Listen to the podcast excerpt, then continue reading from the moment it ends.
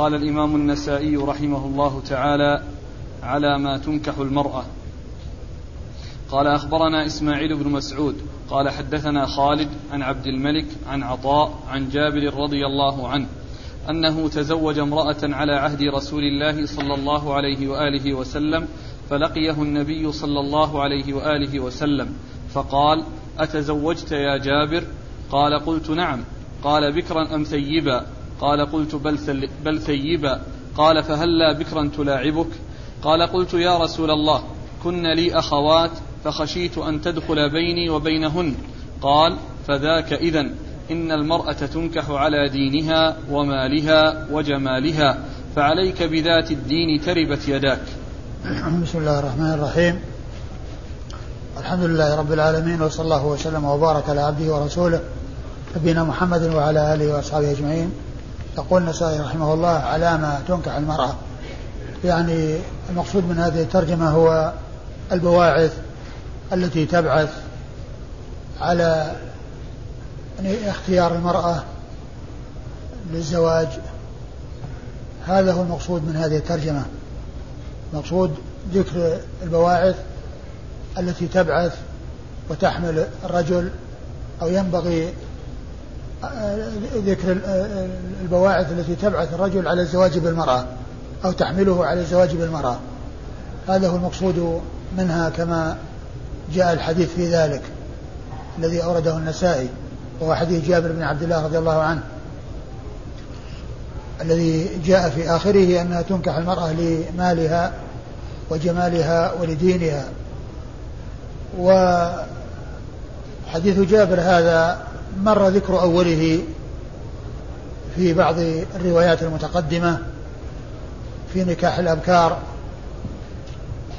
وأورده هنا من أجل ما جاء في آخره من ذكر الأمور التي تبعث وتحمل الناس على الزواج وهي الدين والمال والجمال.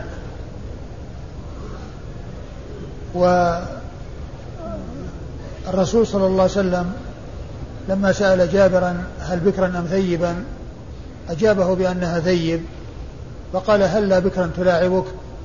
فأخبر رضي الله عنه أن الذي بعثه على اختيار الثيب والعدول عن البكر هو أن له أخوات وخشي أن تدخل بينه وبينهن وذلك أن البكرة تكون صغيرة ولا يكون عندها من العقل والرزانة مثل ما عند الكبيرة.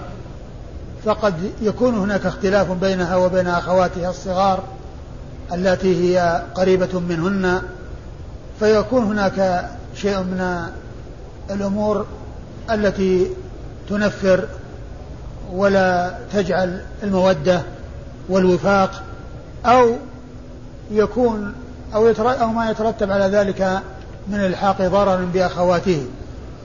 فمن أجل ذلك اختار كبيرة أرجح منهن عقلا وترعاهن وتحسن إليهن وتقوم بما يلزم لهن. فالرسول صلى الله عليه وسلم عند ذلك قال فذاك إذا يعني هذا الذي عملته يعني هو المناسب وهو خير وهو طيب وذلك أنه مقصد حسن من أجل أنها تكون كبيرة تحسن إلى أخواته ولا تكون صغيرة يكون تكون مثل أخواته في العقل فيكون بينها وبين زوجها وبينها وبين أخواته شيء من الوحشة. وفي الحديث بيان آه، ما كان عليه جابر رضي الله عنه من الإحسان والبر بأخواته إذ آثر مصلحتهن على مصلحته إذ آثر مصلحتهن في اختيار زوجة ثيب تحسن إليهن على مصلحته في كونه يختار بكرا آه، آه، يكون الاستمتاع بها أحسن ويكون الوئام والاستفادة منها أكثر من الثيب لكنه آثر مصلحة أخواته على مصلحته رضي الله تعالى عنه وأرضاه. ثم إن النبي عليه الصلاة والسلام بين البواعث التي تبعث على النكاح أو على اختيار النساء فقال تنكح المرأة على أربع. تنكح المرأة على على مالها وجمالها ودينها ما فيك الحسب هنا. لا. على مالها وجمالها ودينها يعني هذه الأمور التي تبعث على الزواج وتبعث على اختيار الزوجة. ولكن المهم في الأمر هو الدين. ولهذا قال فاظفر بذات الدين تربت يداك. فاظفر بذات الدين يعني احرص عليها. لأن الدين هو الذي يعول هو الذي يحرص على صاحبته وعلى من تكون ذات دين. أما الجمال إذا كان مع غير الدين فهو خطير وكذلك المال إذا كان مع غير الدين فهو ضرره كبير. لكنه إذا وجد الدين فسواء جاء انضاف إليه غيره أو آه، بقي وحده هو خير وبركة وهذا هو الذي ينبغي أن يحرص عليه ويفرح به. وقوله تربت يداك هذه كلمة اعتادها العرب أنهم يقولونها ولا يريدون معناها من جهة أن معنى تربت يداك يعني أنك افتقرت ولصقت بالتراب من الفقر فهي آه، كلمة جارية على الألسنة ولا يراد معناها وهي من جنس الكلمات الأخرى التي ثكلتك أمك وعقر حلقة وما إلى ذلك من الكلمات التي تذكر ولا يراد معناها. قال أخبرنا إسماعيل بن مسعود. قال أخبرنا إسماعيل بن مسعود أبو مسعود البصري ثقة أخرج حديثه النسائي وحده. عن خالد. عن خالد هو بن الحارث البصري ثقة أخرج له أصحاب الكتب الستة. عن عبد الملك. عن عبد الملك بن أبي سليمان العزرمي وهو صدوق له أوهام أخرج له البخاري تعليقا ومسلم وأصحاب السنن عن عطاء. عن عطاء بن أبي رباح المكي وهو ثقة أخرج له أصحاب الكتب الستة. عن جابر. عن جابر بن عبد الله الأنصاري رضي الله تعالى عنهما صاحب رسول الله صلى الله عليه وسلم وأحد السبعة المعروفين بكثرة الحديث عن النبي صلى الله عليه وسلم وهم أبو هريرة وابن عمر وابن عباس وجابر وأنس وأبو سعيد الخدري وأم المؤمنين عائشة رضي الله تعالى عنهم وعن الصحابة أجمعين. كراهية تزويج العقيم. قال أخبرنا عبد الرحمن بن خالد قال حدثنا يزيد بن هارون قال أخبرنا المستلم بن سعيد عن منصور بن زاذان عن معاوية بن قرة عن معقل بن يسار رضي الله عنه أنه قال جاء رجل إلى رسول الله صلى الله عليه وآله وسلم فقال إني أصبت امرأة ذات حسب ومنصب إلا أنها لا تلد أفأتزوجها؟ فنهاه ثم أتاه الثانية؟ فنهاه ثم أتاه الثالثة؟ فنهاه فقال تزوجوا الولود الودود فإني مكاثر بكم. ثم ورد النسائي تزويج العقيم كراهة كراهة تزويج العقيم وهو أن وهو أنه يفوت يعني مع الزواج يعني بالعقيم عدم حصول النسل الذي آه، رغب فيه رسول الله صلى الله عليه وسلم رغب في الزواج وقال إنه مكاثر بهم الأمم. وأورد النسائي فيه حديث معقل بن يسار رضي الله تعالى عنه أنه جاء إلى الرسول صلى الله عليه وسلم وقال إن امرأة لا تلد وأنه يريد الزواج منها ويسأل رسول الله صلى الله عليه وسلم فنهاه ثم عاد إليه فنهاه ثم عاد إليه فنهاه وقال تزوجوا الودود الولود فإني مكاثر بكم فإني مكاثر بكم أي مكاثر بكم الأمم يوم القيامة. و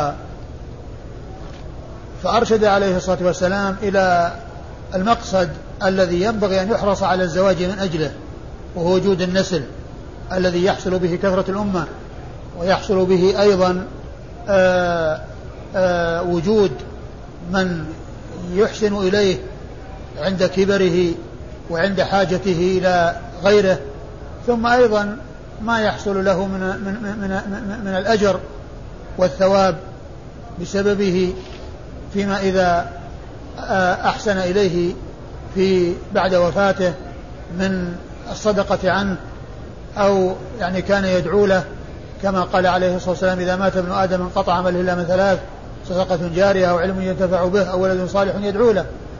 فهناك فوائد كثيرة وعظيمة تحصل للإنسان وتحصل لهذه الأمة. تحصل في الأمة أنه أنها تكثر ويحصل للإنسان فوائد في حياته عند حاجته وشيخوخته وكذلك بعد وفاته كما جاء ذلك مبينا في الأحاديث عن رسول الله صلوات الله وسلامه وبركاته عليه. وقوله أنها لا تلد يمكن أن يكون فهم ذلك من كونها لا تحيض أو أنها آه، متزوجة من قبل وأنها لم تلد. والحاصل أنه علم عنها أنها لا تلد فسأل رسول الله صلى الله عليه وسلم عن التزوج بها فنهاه رسول الله صلى الله عليه وسلم. وأخبر بأنه مكاثر بهذه الأمة الأمم يوم القيامة. لكن لا يعني ذلك أنه يحرم أن تتزوج العقيم فالنساء بحاجة إلى الرجال والرجال بحاجة إلى النساء. لكن عند الاختيار يختار الإنسان من تلد. عند الاختيار يختار الإنسان من تلد ومن يحصل من ورائها أو بالزواج منها كثرة النسل. ويعرف كثرة النسل يعني عن طريق معرفة أقاربها وقريباتها وأنهن يعني من بيت منجب فإن هذه من العلامات التي يستدل بها على كثرة آه الإنجاب. نعم. قال أخبرنا عبد الرحمن بن خالد. أخبرنا عبد الرحمن بن خالد الواسطي وهو؟ صدوق. صدوق أخرج له أبو داود والنسائي. صدوق أخرج له أبو داود والنسائي. هو الرقي؟ هو الواسطي ثم الرقي نعم. عن يزيد بن هارون. عن يزيد بن هارون الواسطي وهو ثقة أخرج له أصحاب كتب الستة. عن المستلم بن سعيد. عن المستلم بن سعيد وهو صدوق آه، ربما وهم أخرج له أصحاب السنة الأربعة. عن منصور بن زاذان. عن منصور بن زاذان وهو ثقة عابد أخرج له أصحاب الكتب الستة. وقد ذكر وقد ذكر في ترجمته يعني من آه، كثرة عبادته واجتهاده في العبادة قالوا قال آه، بعض أهل العلم عنه لو قيل له لو قيل لمنصور بن زاذان أن ملك الموت بالباب لم يكن بإمكانه أن يزيد شيئا على ما كان يفعله من قبل أن يخبر بهذا الخبر يعني إشارة إلى كثرة عبادته وملازمته للطاعة وأنه لو آه، حضره الموت أو لو قيل له أن الموت وصل إليك لم يكن عنده شيء يزيد فيه على ما كان يفعله إشارة إلى كثرة عبادته وإلى وإلى ملازمته للطاعة رحمة الله عليه. عن معاوية بن عن معاوية بن قرة وهو ثقة أخرج له أصحاب كتب الستة. عن معقل بن يسار. عن معقل بن يسار صاحب رسول الله صلى الله عليه وسلم وحديثه أخرجه أصحاب الكتب الستة. تزويج الزانية قال أخبرنا إبراهيم بن محمد التيمي قال حدثنا يحيى وهو ابن سعيد عن عبيد الله بن الأخنس عن عمرو بن شعيب عن أبيه عن جده رضي الله عنه أن مرثد بن أبي أن مرثد بن أبي مرثد الغنوي وكان رجلا شديدا وكان يحمل الأسارى من مكة إلى المدينة. قال فدعوت رجلا لأحمله وكان بمكة بغي يقال لها عناق وكانت صديقته. خرجت خرجت فرأت سوادي في ظل الحائط فقالت من هذا؟ مرثد. مرحبا وأهلا يا مرثد انطلق الليلة فبت عندنا في الرحل. قلت يا عناق إن رسول الله صلى الله عليه وآله وسلم حرم الزنا. قالت يا أهل الخيام هذا الدلدل هذا الذي يحمل أسراكم أسراءكم من مكة إلى المدينة. فسلكت الخندمة فطلبني ثمانية فجاءوا حتى قاموا على رأسي فبالوا فطار بولهم علي وأعماهم الله عني. فجئت إلى صاحبي فحملته فلما انتهيت به إلى الأراك فككت عنه كبله. فجئت إلى رسول الله صلى الله عليه وآله وسلم فقلت يا رسول الله أنكح أنكح عناق فسكت عني فنزلت الزانية لا ينكحها إلا زان أو مشرك فدعاني فقرأها علي وقال لا تنكحها. ثم ورد النسائي رحمه الله تزويج آه، آه، الزنات. والمقصود من هذه الترجمة أن الزانية لا يتزوج بها وذلك آه، لما هي متلبسة به من الفجور والوقوع في الفاحشة والزواج بالزانية يترتب عليه تلويث الفراش وإلحاق الأنساب اختلاط الأنساب ويلحق وأن يلحق بالرجل ما ليس منه يلحق بالرجل ما ليس منه. فمن يعلم زناها ولم يعلم لها توبة فإنه لا يجوز للإنسان يتزوجها لكن إذا تابت وحسنت توبتها وعرف صلاحها واستقامتها فإن التزويج منها لا بأس به وإنما المحذور فيما إذا كانت لم يعرف لها توبة أو لم تحصل منها التوبة. و آه، آه، عمرو عبد الله بن عمرو بن العاص رضي الله تعالى عنهما أخبر أن مرثد بن أبي مرثد الغنوي وكان رجلا شديدا يعني قويا نشيطا عنده جلد وصبر ف وكان يحمل الأسارى الأسارى من مكة إلى المدينة ويذهب بهم خفية. وكان في مكة وكان واعد رجلا ليحمله. وجلس في ظل حائط يعني في ضوء القمر في ظل جدار. وكان هناك امرأة بغي يقال لها عناق. ورأت سواده أي رأت شخصه فجاءت إليه والسواد هو المقصود بالشخص الذي لا يعرف وإنما هو آه، يعرف شخصه ولا يعرف تعرف عينه فلما رأت سواده جاءت إليه وعرفته وكان صديقا لها يعني كان يعني يزني بها وكان بينه وبينها يعني آه، معرفة. فقالت مرثد قال مرثد قالت آه، مرحبا وأهلا اذهب فبت معنا في الرحل. يعني معناه تريد أنه يبيت عندها ليزني بها. كما اعتادته من قبل. فقال إن النبي صلى الله عليه وسلم حرم الزنا. إن رسول الله صلى الله عليه وسلم حرم الزنا. فلما رأته آه على هيئة تخالف ما كانت تألفه منه من الموافقة على ما تريد منه وامتنع من ذلك وأخذ آه، بما ذكره من آه، أن النبي عليه الصلاة والسلام جاء بتحريم الزنا غضبت عليه. إذ لم يحقق لها ما تريد ولم يستجب لها فقامت ونادت في الناس هذا الدلدل الذي يحمل أساراكم والدلدل قيل هو القنفذ الذي يعني يظهر في الليل ويختفي في النهار. فهرب فلحقه ثمانية يبحثون عنه. فصاروا قريبين, قريبين منه حتى حصل البول من بعضهم فطار عليه ولكن الله تعالى أعماهم عنه فلم يهتدوا إليه. ثم إنه جاء إلى صاحبه الذي كان آه تواعد معه على أن يحمله وهو أسير مكبل بالحديد فجاء وحمله حتى وسلك طريقا يقال لها الخندمة حتى جاء الأراك وهو يعني شجر ففك قيده الذي كان قد قيد به أي ذلك الأسير وذهب به إلى المدينة حتى وصل رسول إلى إلى رسول الله صلى الله عليه وسلم فقال له يا رسول الله أنكح عناق يعني هل أتزوجها؟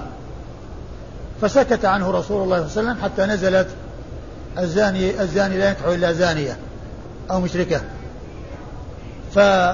فدعاه رسول الله صلى الله عليه وسلم وتلا عليه الآية ونهاه عن نكاحها.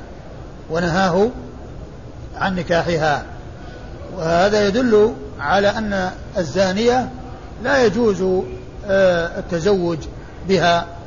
لا يجوز تزوج الإنسان بها لما يحصل على التزوج بالزانيات من المفاسد الكثيرة ومن أهم من أعظمها وأشدها وأسوأها. الحاق اختلاط الأنساب وأن يضاف إلى الرجل ما ليس منه بسبب الفراش وبسبب كونه زوجا ولكن لكونها تزني قد تحمل من الزاني فيضاف إلى صاحب الفراش. فالرسول صلى الله عليه وسلم دعاه ونهاه دعاه وتلا عليه الآية ونهاه عن زواجها. وهذا يدل على تحريم ذلك. وهذا فيما إذا لم تتب. أما إذا تابت فإن الله تعالى يتوب على من تاب ويصح الزواج آه، حينئذ. الإسناد قال أخبرنا إبراهيم بن محمد التيمي. أخبرنا إبراهيم بن محمد التيمي وهو؟ ثقة أخرج له أبو داود والنسائي. وهو ثقة أخرج له أبو داود والنسائي. عن يحيى وهو ابن سعيد. عن يحيى وهو ابن سعيد القطان ثقة أخرج له أصحاب الكتب الستة. عن عبيد الله بن الأخنس. عن عبيد الله بن الأخنس وهو صدوق أخرج له أصحاب الكتب الستة. عن عمرو بن شعيب. عن عمرو بن شعيب بن محمد بن عبد الله بن عمرو بن العاص وهو صدوق أخرج له البخاري في جزء القراءة وأصحاب السنة الأربعة. عن أبيه. عن أبيه شعيب بن محمد ابن عام ابن عبد الله بن عمرو وهو كذلك صدوق أخرج له البخاري في الأدب المفرد وفي جزء القراءة وكذلك أصحاب السنن الأربعة. عن جده عبد الله بن عمرو بن العاص وهو صحابي ابن صحابي وهو أحد العبادلة الأربعة من أصحاب رسول الله صلى الله عليه وسلم الذين هم عبد الله بن عمرو بن العاص وعبد الله بن عمر بن الخطاب وعبد الله بن الزبير بن العوام وعبد الله بن عباس بن عبد المطلب رضي الله تعالى عنهم وعن الصحابة أجمعين. وهذه ال ال هذا الإسناد آه الذي آه هو عن عن عبد الله بن عن عمرو بن شعيب عن أبيه عن جده. اختلف اختلف العلماء آه فيه وأحسن ما قيل فيه أنه إذا صح الإسناد إلى عبد إلى إلى إلى, إلى عمرو بن شعيب فإنه يكون حديثا حسنا. فإن حديثه يكون حسنا إذا صح الإسناد إليه. قالوا و المراد بأبيه عن جده يعني أن آه، أن عمرو يروي عن أبيه شعيب وشعيب يروي عن جده هو عبد الله بن عمرو لا يروي عن أبيه محمد الذي هو جد عبد الذي هو جد عمرو وإنما عمرو يروي عن أبيه شعيب وشعيب يروي عن جده عبد الله بن عمرو وليس محمد لأن لأنه لو كانت الرواية عن عن محمد لكان مرسلا لأن محمدا لم لم يدرك الرسول صلى الله عليه وسلم. لكن آه الرواية هي من شعيب عن عبد الله بن عمرو صاحب رسول الله صلى الله عليه وسلم. وقد ذكر الحافظ بن حجر أنه صح سماعه من جده عبد الله بن عمرو بن العاص فيكون الإسناد إذا صح إليه يكون من قبيل الحديث الحسن لأن عمرا صدوق وشعيبا صدوق. نعم. أحسن الله إليك. ما معنى الآية؟ الزانية آه، الآية يعني الذي ذكر آه، في في تفسيرها أن الزاني لا يطاوعه على الزنا إلا زانية مثله أو مشركة لا يعني آه، لا تمانع وترى حل ذلك وليس عندها مانع ليس عندها دين وازع يمنعها من ذلك. فقالوا أن المقصود بها المطاوعة وأنه لا يحصل منه الوطء وتمكينه من ذلك إلا من مثله أو من مشركة. لا تبالي. إما من عاصية مثله أو من مشركة لا تبالي. ثم و و و و وكذلك أيضا يعني من حيث المعنى من حيث الزواج أن الزاني يرغب بالزانية. ويرغب بالزانية. ولكن من حيث التزوج المشركة لا يجوز التزوج بها من المسلم مطلقا. لا يجوز التزوج بها مطلقا. لكن الذي آه، آه، عنده المعصية يعني آه، يرغب في مثله يرغب في مثله وكما يقولون على الطيور الطيور على أشباهها تقع. فالزاني يرغب بالزانية لكن من حيث الزواج ومن حيث العقد لا يجوز عقد المسلم على الكافرة. لا يجوز عقد المسلم على الكافرة المشركة. والذي ذكره آه، آه، ابن كثير وغيره وعزاه إلى ابن عباس رضي الله تعالى عنه وأن أن معناه أن الذي يعني يتفق مع بالنسبة للزانية والمشركة أنه الرغبة أن الزاني لا يطاوعه على زناه إلا مثله من هو عاصي أو من كان مشركا. قال أخبرنا محمد بن إسماعيل بن إبراهيم. قال حدثنا يزيد. قال حدثنا حماد بن سلمة وغيره عن هارون بن رئاب عن عبد الله بن عبيد بن عمير وعبد الكريم. عن عبد الله بن عمير عن عبد الله بن عبيد بن عمير. عن ابن عباس. عبد الكريم يرفعه إلى ابن عباس وهارون لم يرفعه. قال جاء رجل إلى رسول الله صلى الله عليه وآله وسلم فقال إن عندي امرأة هي من أحب الناس إلي وهي لا تمنع يد لامس. قال طلقها. قال لا أصبر عنها. قال استمتع بها. قال أبو عبد الرحمن هذا الحديث ليس بثابت وعبد الكريم ليس بالقوي وهارون بن رئاب أثبت منه وقد أرسل الحديث وهارون ثقة وحديثه أولى بالصواب من حديث عبد الكريم. ثم ورد النسائي حديث عبد الله بن عباس رضي الله تعالى عنهما في قصة الرجل الذي جاء إلى النبي صلى الله عليه وسلم وقال إن يدي إن امرأتي لا ترد يد لامس. فقال طلقها. فقال طلقها. قال لا أصبر عنها. قال استمتع بها. قال استمتع بها. وأورده النسائي في تزويج الزنات. كراهية كراهية؟ ترجمة؟ لا ما في. باب تزويج باب تز... نعم. باب تزويج الزنات. أورده لأن له علاقة به. له علاقة به من جهة الاحتمال لا من جهة النص. وقد قالوا في معناه يعني منهم من قال إنها يعني آه لا ترد يد لامس يعني من يراودها على على شيء فإنها توافقه. ومنهم من قال إنها يعني عندها يعني تساهل وكلام مع الرجال وممازحة معهم فيكون يعني أنها عندها هذه الأمور التي هي محذورة ولكنها لا تصل إلى حد الفاحشة ولا يحصل منها فعل الفاحشة وأنه كره منها هذا الشيء فسأل الرسول صلى الله عليه وسلم عن عنها فقال طلقها. يعني هذه المرأة التي تكون هكذا مع الرجال أمره بتطليقها فقال إنه لا يستطيع الصبر عنها قال أمسكها. قالوا فلو كانت زانية ما أرشده الرسول صلى الله عليه وسلم للإبقاء على على الزانية.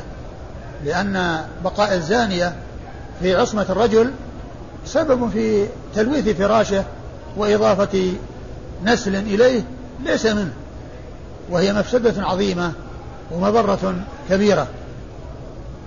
قال بعض أهل العلم والأولى أن يكون هذا معنى الحديث لأن النبي صلى الله عليه وسلم أمره بالإبقاء عليها وأن تبقى معه. ولا يرشده النبي صلى الله عليه وسلم إلى أن يبقي على زانية. آه تمكن غيره من نفسها وتلوث فراشه وإنما المقصود من ذلك أمور تحصل منها فيها تساهل وعدم احتشام من الرجال لكن لا يصل إلى حد الزنا والعياذ بالله. وهذا هو الذي يناسب آآ آآ آآ إرشاد النبي صلى الله عليه وسلم إياه إلى أن يستمتع بها وأن يبقي عليها. والعلماء اختلفوا في ثبوت الحديث والنسائي أرشد ذكر أنه غير ثابت. ذكر أنه غير ثابت وعلى هذا فيكون يعني معناه يعني أنه قد يكون المراد به الزنا ولكنه غير ثابت فيكون لا يحتج به ولا عبرة به.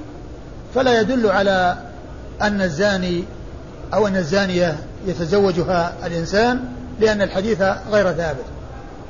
لكن من أثبت الحديث حمله على ما ذكرت. ومنهم من فسره بتفسير آخر وهو لامس يعني مبتغ مالا. قالوا هذا ليس لا يستقيم لأن هذا لا يناسب هذا المعنى بل الذي يناسبه ملتمس لأن الذي يطلب المال يلتمس لا يلمس.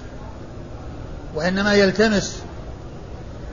ثم أيضا آه، إعطاء المال وبذل المال يعني آه، إن كان آه، بغير موافقته فيمكنه أن يحفظ ماله عنها وألا يمكنها من ماله ويأخذ احتياطات أخرى.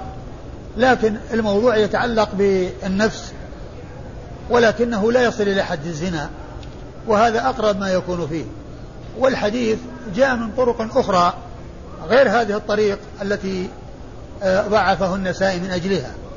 وقد ذكر البخاري آه، ذكر ابن كثير في تفسيره طرقا أخرى ومن غير هذا الطريق وهي من طريق عكرمة عن ابن عباس من رواية عكرمة عن ابن عباس.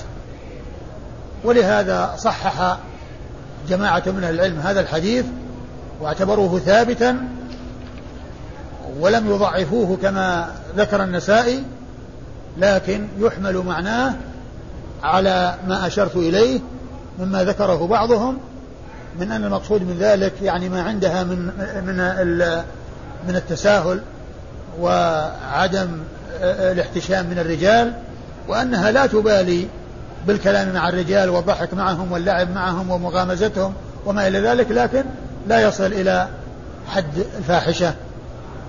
ولهذا أرشده النبي صلى الله عليه وسلم إلى الإبقاء عليها. نعم. قال أخبرنا محمد بن إسماعيل بن إبراهيم. أخبرنا محمد بن إسماعيل بن إبراهيم بن مقسم المشهور المشهور أبوه بن علية. المشهور أبوه بن علية وهو ثقة. أخرج حديثه النسائي وحده. عن يزيد. عن يزيد وهو بن هارون وهو ثقة. أخرج له أصحاب كتب الستة. عن حماد بن سلمة. عن حماد بن سلمة البصري وهو ثقة أخرج له البخاري تعليقا ومسلم وأصحاب السنن الأربعة. وغيره. وغيره يعني معه غيره. نعم. عن هارون بن رئاب. عن هارون بن رئاب وهو ثقة أخرج حديثه مسلم وأصحاب السنن الأربعة. مسلم وأبو داود والنسائي. مسلم وأبو داود والنسائي بس, بس. مسلم وأبو داود والنسائي. عن عبد الله بن عبيد بن عمير. عن عبد الله بن عبيد بن عمير. هذا هو. عن, عن عبد الله بن عبيد بن عمير. نعم. وهو ثقة أخرج حديثه مسلم وأصحاب السنن. نعم. أخرج له مسلم وأصحاب السنن الأربعة. وعبد الكريم. وعبد الكريم يعني هذا معطوف على الذي قبله يعني يروي عن حماد بن زيد حماد بن سلمة. وعبد الكريم هو قال عن ولا أخبرنا؟ هناك في الأول. كيف؟ حماد بن زيد حماد بن سلمة إيش قال؟ قال عن حدثنا حماد بن سلمة وغيره عن هارون بن عن, عن يعني يصير يصير عن عن هارون يعني وعن عبد الكريم. وعبد الكريم يعني عن عبيد الله عن عبد الله بن عبيد بن عمير, بن عمير. يعني معناها أن حماد بن زيد يرويه من طريقين. من طريق هارون بن رئاب عن عن عبد الله بن عبيد بن عمير عن ابن عباس لا يذكر ابن عباس يعني مرسلا و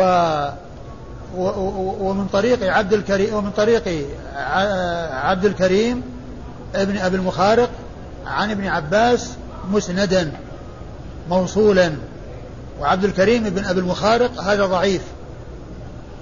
وقد ذكر الحافظ أنه رمز له في البخاري ومسلم وأبو داود في المسائل. والترمذي والنسائي وابن ماجه. لكن البخاري ليس له عنده إلا زيادة في حديث واحد في قيام الليل وأبو داود ومسلم في المقدمة وقال إن النسائي روى عنها حديث قليلة. النسائي روى عنه أحاديث قليلة. ثم ذكر النسائي أن حديث هارون أولى بالصواب لأنه ثقة وهذا ليس بالقوي وهو ضعيف. والذي آه، والثقة أرسل ولم يسند والذي أسند هو الضعيف الذي هو عبد الكريم ابن أبي المخارق. لكن كما ذكرت جاء من طرق أخرى موصولا إلى رسول الله صلى الله عليه وسلم ومنها طريق عكرمة عن ابن عباس وقال الحافظ بن كثير أن هذا إسناد جيد. وعبد الكريم عن عبد الله بن عبيد بن عمير عن ابن عباس. عن ابن عباس عبد الله بن عباس بن عبد المطلب ابن عم النبي صلى الله عليه وسلم وأحد العبادلة الأربعة من أصحاب الكرام وأحد السبعة المعروفين بكثرة الحديث عن النبي عليه الصلاة والسلام. قال عبد الكريم يرفعه إلى ابن عباس. نعم. وهارون لم يرفعه. يعني الرفع هنا ليس المراد الاصطلاحي. نعم. لأنه مرسل. يعني لا يذكر ابن عباس. وهذا يذكر ابن عباس. قال باب كراهية تزويج الزناه قال أخبرنا عبيد الله بن سعيد. قال حدثنا يحيى عن عبيد الله عن سعيد بن أبي سعيد عن أبيه عن أبي هريرة رضي الله عنه عن النبي صلى الله عليه وآله وسلم أنه قال تنكح النساء لأربعة لمالها ولحسبها ولجمالها ولدينها. فاظفر بذات الدين تربت يداك. تنكح. تنكح النساء لأربعة. أيوه. لما بذات الدين تربت يداك. ثم أورد النسائي هذه الترجمة وهي كراهية تزويج الزنات كراهية تزويج الزنات وأورد وهذا إذا لم يتوبوا وأما إذا تابوا وحصلت التوبة فإن الله تعالى يتوب على من تاب ومن تاب من الذنب وصدق في توبته فهو كمن لا ذنب له. آه وأورد النسائي حديث أبي هريرة. نعم. حديث أبي هريرة رضي الله عنه قال تنكح المرأة لأربع لمالها ولجمالها ولحسبها ولدينها فاظفر بذات الدين تربت يداك يعني هذا ليس أمرا من رسول الله صلى الله عليه وسلم بأن ينكح النساء لهذه الأربع وإنما هذا إخبار عن البواعث التي تبعث الناس على اختيار النساء فمنهم من يختار ما يختار المرأة لمالها ولا يبحث عن شيء آخر ومنهم من يبحث يختارها لجمالها ولا يبحث عن شيء آخر ومنهم من يبحث عن حسبها ولا يبحث عن شيء آخر ومنهم من يبحث يتزوجها لدينها وهذا هو المهم سواء وجد وحده أو وجد ومعه غيره. فليس أمرا من رسول الله صلى الله عليه وسلم بأن ينكح الناس بأن ينكح الناس النساء من أجل هذه الأمور. وإنما هذا إخبار بالبواعث التي تبعث الناس. ولما كانت هذه بواعث الناس أرشد عليه الصلاة والسلام إلى الذي يحرص عليه والذي يفرح به ويرغب به وهو ذات الدين. وإذا وجد مع الدين يعني هذه يعني أمور أخرى طيبة فذاك خير إلى خير. لكن إذا كانت الرغبة في غير هذه الأمور في غير الدين فقد تكون تلك الأسباب يعني آه، يترتب عليها مضرة من جهة آه، الجمال ومن جهة المال ومن جهة الحسب. لكن إذا وجدت هذه الأشياء مع الدين وكان المقصود هو الدين وغيرها وغير الدين تابع له فهذا حسن. نعم. قال أخبرنا عبيد الله بن سعيد أخبرنا عبيد الله بن سعيد اليشكري السرخسي وهو ثقة أخرج له البخاري ومسلم والنسائي عن يحيى عن يحيى وهو القطان وقد مر ذكره عن عبيد الله عن عبيد الله بن عمر بن حفص بن عاصم بن عمر العمري وهو ثقة أخرج له أصحاب الكتب الستة. عن سعيد بن أبي سعيد. عن سعيد بن أبي سعيد المقبري وهو ثقة أخرج له أصحاب الكتب الستة. عن أبيه كيسان أبو سعيد المقبري وقد أخرج وهو ثقة أخرج له أصحاب الكتب الستة. عن أبي هريرة رضي الله تعالى عنه صاحب رسول الله صلى الله عليه وسلم وأحد وأكثر أصحابه حديثا على الإطلاق أبو هريرة عبد الرحمن بن صخر الدوسي صاحب رسول الله عليه الصلاة والسلام وهو أكثر الصحابة حديثا على الإطلاق رضي الله تعالى عنه وأرضاه وإيراد الحديث النسائي في هذه الترجمة من جهة أنه أرشد إلى الحرص على ذات الدين والتي تكون زانية هي بخلاف ذات الدين. هي بخلاف ذات الدين. فيكون يعني مرغبا عنها. الذي يبدو أنها للتحريم. إذا كان من غير توبة.